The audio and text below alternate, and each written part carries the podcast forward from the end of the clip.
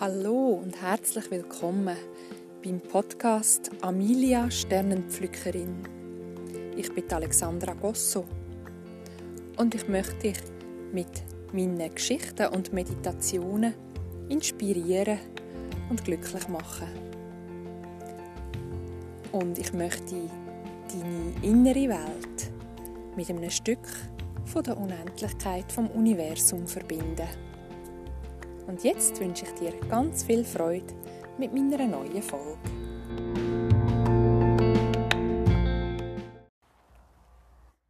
So schön bist du wieder dabei bei einer neuen Folge von mir. Und heute habe ich das Thema innere Fülle ausgewählt. Ähm, und äh, wir werden auch in der Meditation uns mit unserer mit der Fülle in uns innen verbinden und gleichzeitig auch noch unsere Chakren aktivieren und so uns komplett auffüllen mit Energie, mit Kraft, mit Gesundheit. Und ich wünsche dir jetzt ganz viel Freude bei dieser neuen Folge. Wenn man im Moment sich in der Natur aufhaltet, kann man eine unglaubliche Fülle wahrnehmen. Die Wiesen sind sattgrün und gelb voller Löwenzahn jetzt hier in meiner Region. Bäume blühen, die Obstbäume mit den schönsten weiß-rosa zarten Blüten. Blätter schießen zu den Bäumen aus und sind so fein und zart grün. Und an allen Pflanzen und an allen Bäumen kann man das gar nicht zählen, wie viel Blüten oder wie viele Blätter da dran sind. Und nur schon da, die, die Fülle, die, die unglaubliche Kraft, die da aus dem Nichts wieder entsteht, nachdem im Winter eine Pause war, das fasziniert mich unglaublich. Und das gibt mir auch wahnsinnig viel Kraft und Energie, wenn ich so durch die Natur laufe und die Fülle so wahrnehmen Es ist ein unglaubliches Geschenk, das die Natur uns hier macht. Und äh, ich bin unglaublich gern jeden Tag möglichst in der Natur und tanke da so richtig auf. Und ähm, wir werden jetzt in der Meditation die Fülle von außen auch in uns hineinnehmen. Und du wirst sehen, wie schön und wie, wie kraftvoll das, das ist, wenn man sich so beschenkt mit all dem, was verfügbar ist, mit Energie, mit Liebe, mit Kraft, mit Gesundheit, mit positiver Energie. Und ja, würde ich sagen, legen wir los, sehr gern. Darfst du dir bequem machen, im Sitzen oder im Liegen, wo du für die nächste Viertelstunde ungestört bist.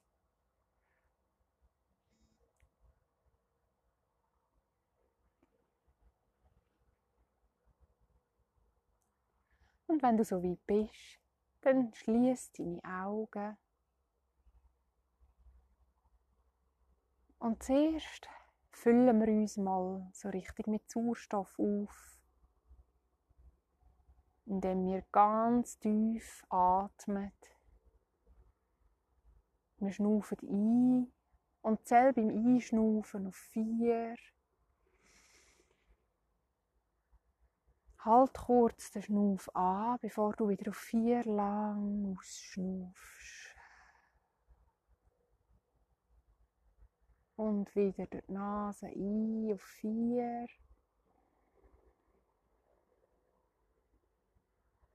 Und durch das Maul aus auf vier.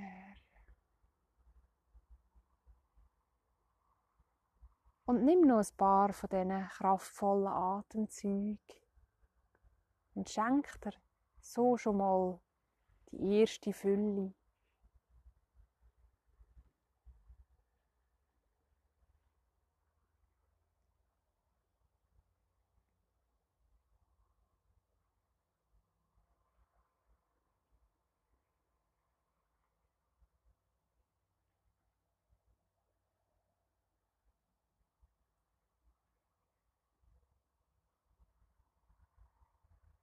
Und jetzt du deinen Atem wieder natürlich fließen. Ganz automatisch. Und nimm jetzt mal wahr, wie du dich gerade fühlst, wenn du dich so mit Sauerstoff aufgefüllt hast, aufgetankt hast.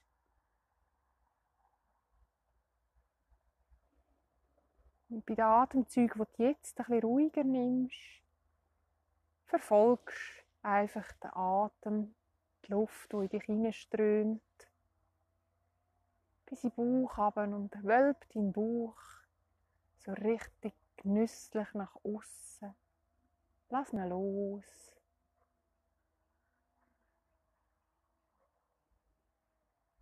Gib Platz, schaff Platz in deinem Bauch, in deiner Brust.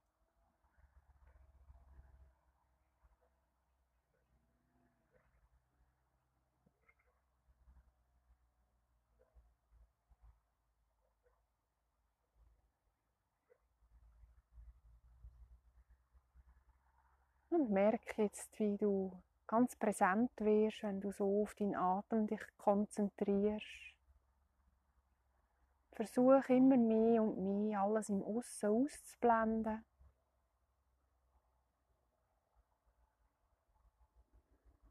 Alle Gedanken loszulassen.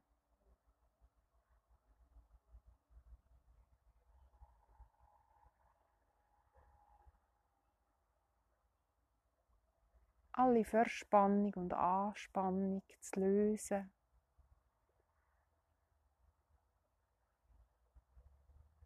Bei jedem Ausschnaufen lässt du noch ein mehr los.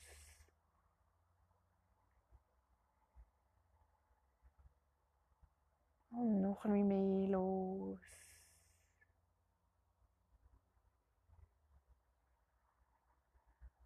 Und noch ein mehr los.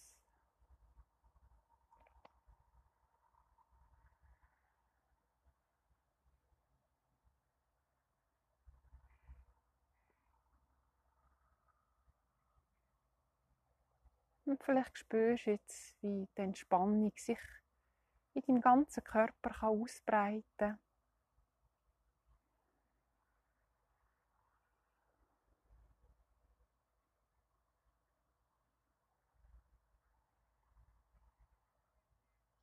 Wie du auch die Zunge löst im Gaumen.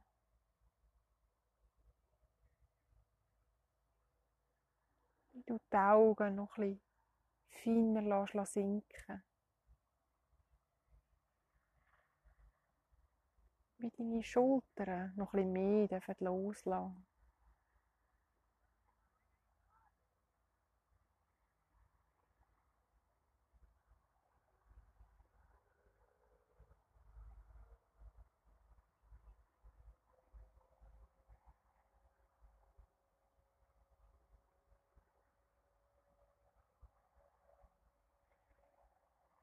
Und bring deinen Fokus jetzt zu deinem Herz.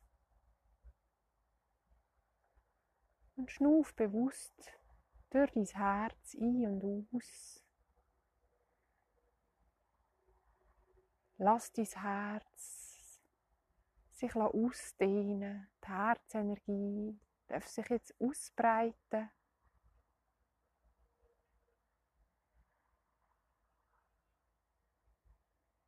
Die wunderschöne, kraftvolle, liebevolle Herzenergie fließt jetzt in jede Zelle von deinem Körper.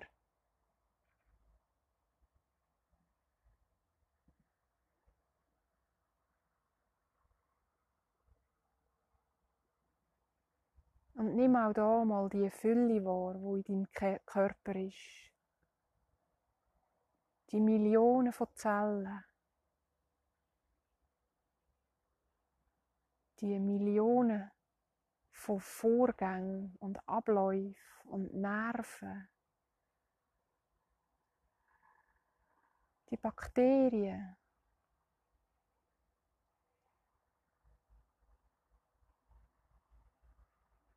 alles ist schier unendlich in dir vorhanden und sorgt jede Sekunde von deinem Leben dafür,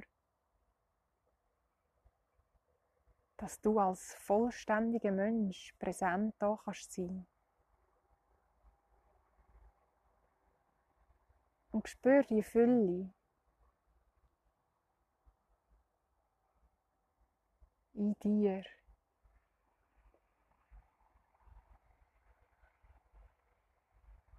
Spür, wie du vollständig bist.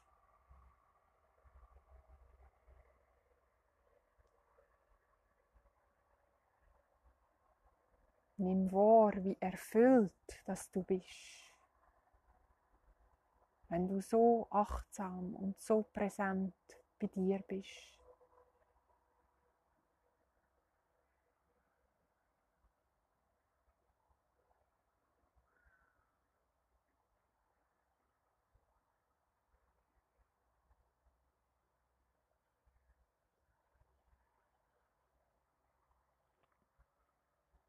Du kannst dir jetzt vorstellen, dass du an deinem Lieblingsplatz in der Natur im Frühling bist. Und all die Fülle im Aussen jetzt anschaust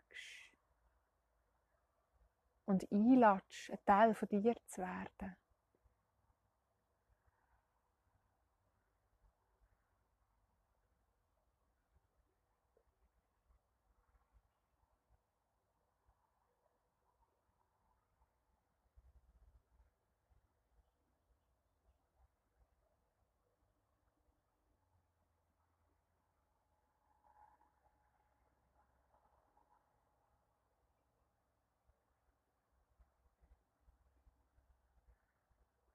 Und an dem wunderbaren Ort in der Natur, wo du jetzt gerade bist,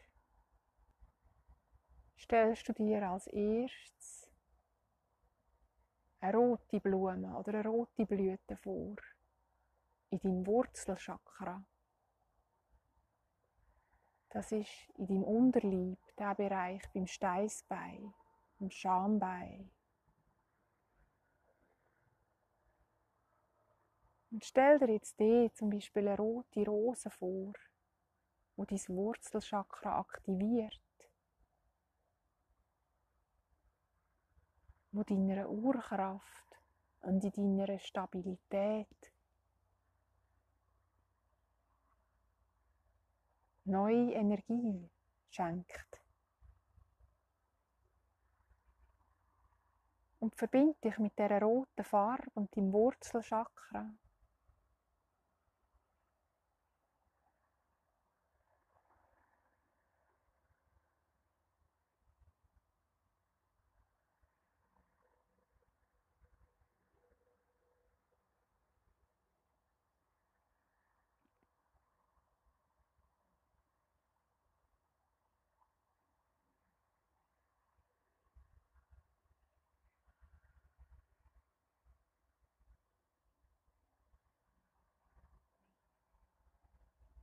Und dann nimmst du eine orangige Blüte und leist sie auf deinen Bauchnabel. Vielleicht sind es auch ein Haufen orangige Blüten. wo dein Sakralchakra rund um den Bauchnabel herum aktiviert. Und lass das orangige Licht in dich hinein strahlen und deine Verdauung aktivieren.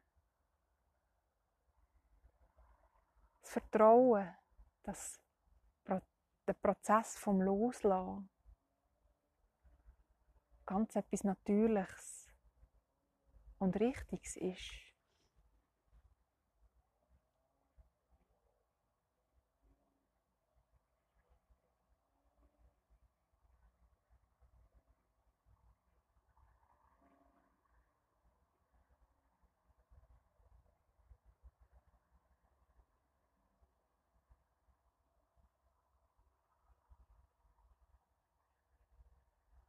Und dann gehst du weiter zu deiner Magengegend.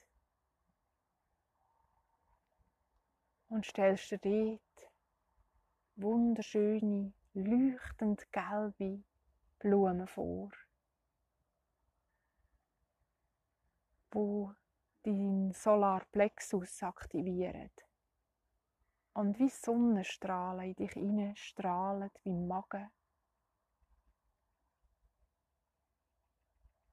und dir helfen, zu entscheiden, was du willst, annehmen was loslassen. Die dir helfen, dich abzugrenzen. Auch mal Nein zu sagen.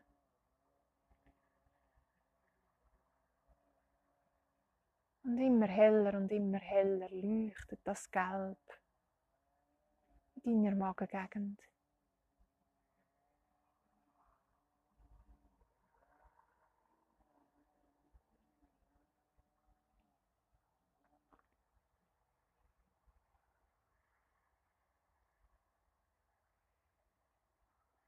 Und weiter geht's zum Herz, zu deinem Herzchakra, wo du zart grüne Blättli oder Gräsli herleist. Vielleicht vermischt mit ein paar ganz feinen, zart rosa Blümli. Und das frische, kräftige Grün und die zart rosa Blümli aktivieren dein Herzchakra. Aktivieren deine Selbstliebe. Die Liebe zu deinen Mitmenschen. Auch dein Selbstwert und dein Selbstvertrauen. Werden mit dem herrlichen Grün und zarten Rosa aktiviert und gestärkt.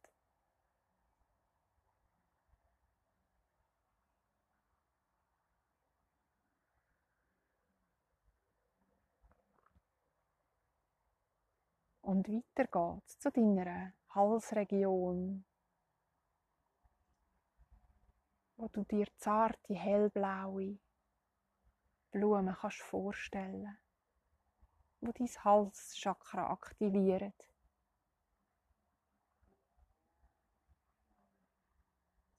Wo dir helfen, dich auszudrücken, ehrlich und echt. Wo dir helfen, die richtigen Worte zu finden.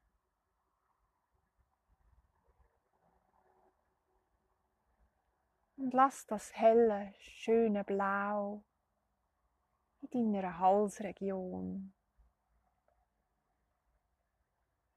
so richtig strahlen und leuchten.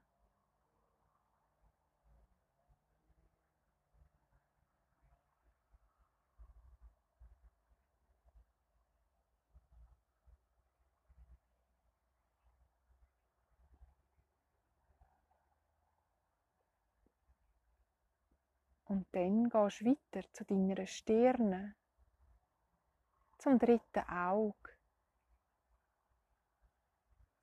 In der Mitte stellst du dir herrliche lilafarbige Blüten vor, violett, lila.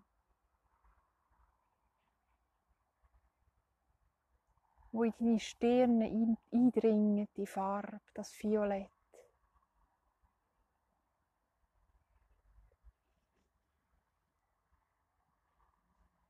Und dir so viel Selbsterkenntnis schenken,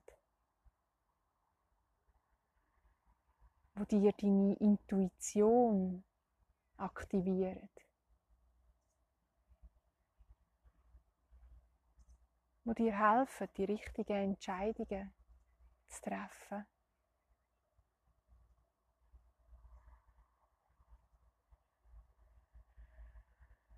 Und lass das Violett so richtig schön deine Stirne aufleuchten.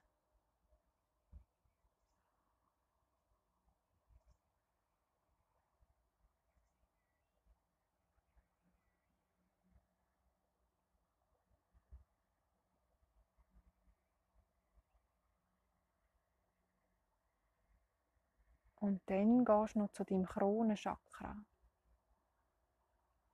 wo oben an deinem Kopf ist und die Verbindung darstellt zum Universum. Und stell dir da ein wunderschönes weißes Licht vor oder weiße Blüten, besser gesagt. wo dir wie eine Krone oder wie ein Blütenkranz auf dem Kopf liegt. Und dich mit dem strahlend weißen Licht umhüllt. Deine göttliche Essenz kannst du so wahrnehmen, wenn du verbunden bist mit dem Kronenchakra. Die kosmische Energie kann in dich hineinströmen.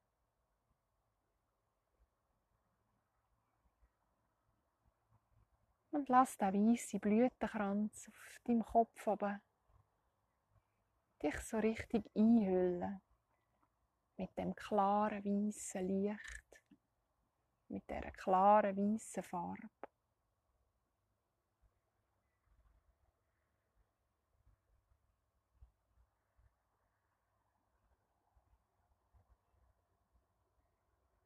Und jetzt stellst du dir vor, wie glitzerndes Licht vom Universum auf dich abtrifft und sich als erstes mit dem Weiß von deinem Kronenchakra vermischt.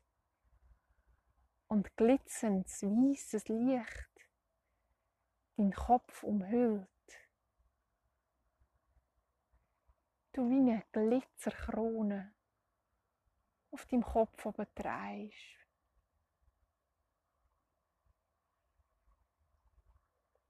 Und das Glitzerlicht trifft jetzt auf dein Stirnchakra, aufs Violett und vermischt sich in ein wunderschönes violettes Glitzerlicht. Und breitet sich in deinem ganzen Hirn aus, deinem ganzen Gesicht. Und schenkt dir ein Lächeln Und weiter fließt das Glitzerlicht in deinen Hals zum hellblau, vermischt sich zu einem wunderschönen, klaren, hellen Blau, wo glitzert und glänzt und dein Hals und dein Nacken und deine Schultern belebt und aktiviert.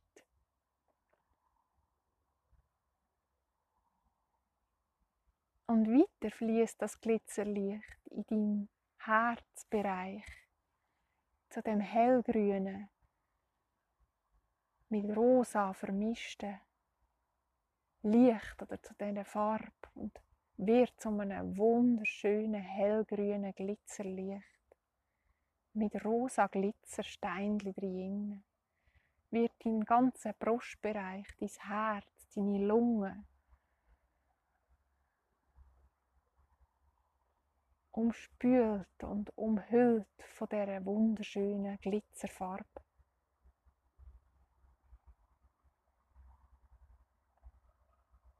Und weiter in deine Magengegend zum Sonnengelb. Sonnengelbe Licht oder Farbe vermischt mit dem Glitzerlicht gibt es so ein kraftvolles, goldgelbiges Licht wo sich jetzt in deiner ganzen Bauchregion ausbreitet. All deine Organe mit dem kraftvollen Sonnenlicht stärkt und aktiviert.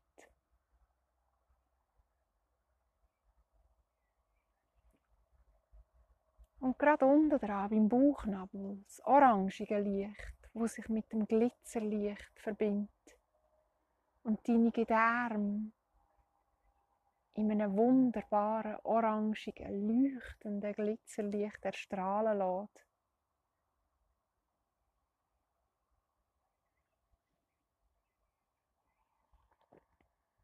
Und dann noch in dein Wurzelchakra, wo sich das Glitzerlicht mit dem Rot vermischt. Und dein Unterlieb dein Becken mit kraftvollem, starkem Glitzerrot einhüllt, dir da ganz viel Kraft und Stabilität schenkt. Urvertrauen.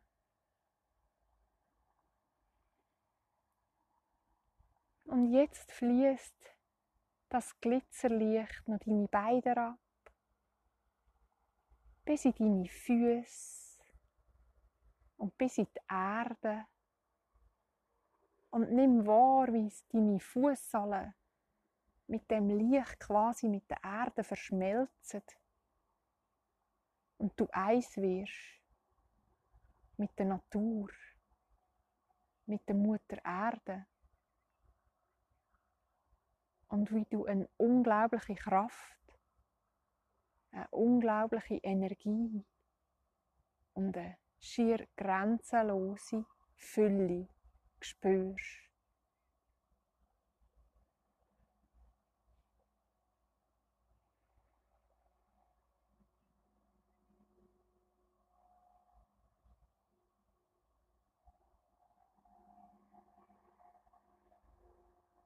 Und vertief jetzt langsam deinen Atem.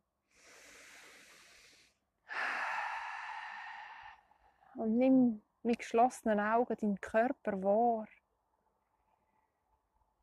Wie er da jetzt in dieser farbigen Glitzerfülle erstrahlt.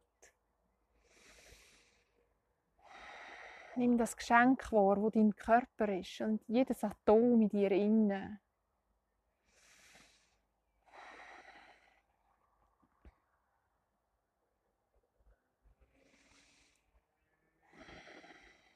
Und bring dann deine Hände in Gebetshaltung vor deinem Herz zusammen. Und verbüg dich vor dir selber. Verbüg dich vor dem Wunder, wo du bist. Verbüg dich vor der unendlichen Kraft, wo in dir innen ist. Und bedank dich bei dir selber für die Fülle, wo du hast wahrnehmen Bedank dich, dass du dir die Zeit genommen hast, dich so mit dir zu verbinden und dir so ganz viel Energie, Liebe und Gesundheit geschenkt hast.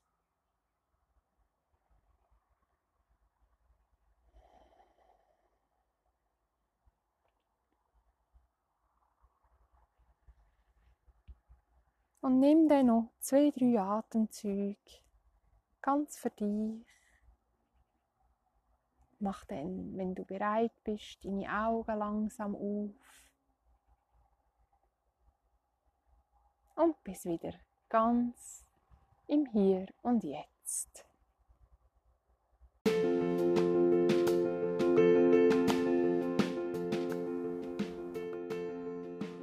Ich hoffe, dir hat die Meditation gefallen und gut da und du hast dich so richtig können füllen mit Energie und Kraft und hast deine Chakren können aktivieren und hast dir und deiner Gesundheit so ein großes Geschenk gemacht. Ich danke dir von ganzem Herzen, dass du mit mir die schöne Reise gemacht hast. Ich danke dir fürs Vertrauen in meine Arbeit und ich wünsche dir jetzt noch ganz eine gute Zeit, einen schönen Tag, einen schönen Abend und bis gleich einmal. Tschüss!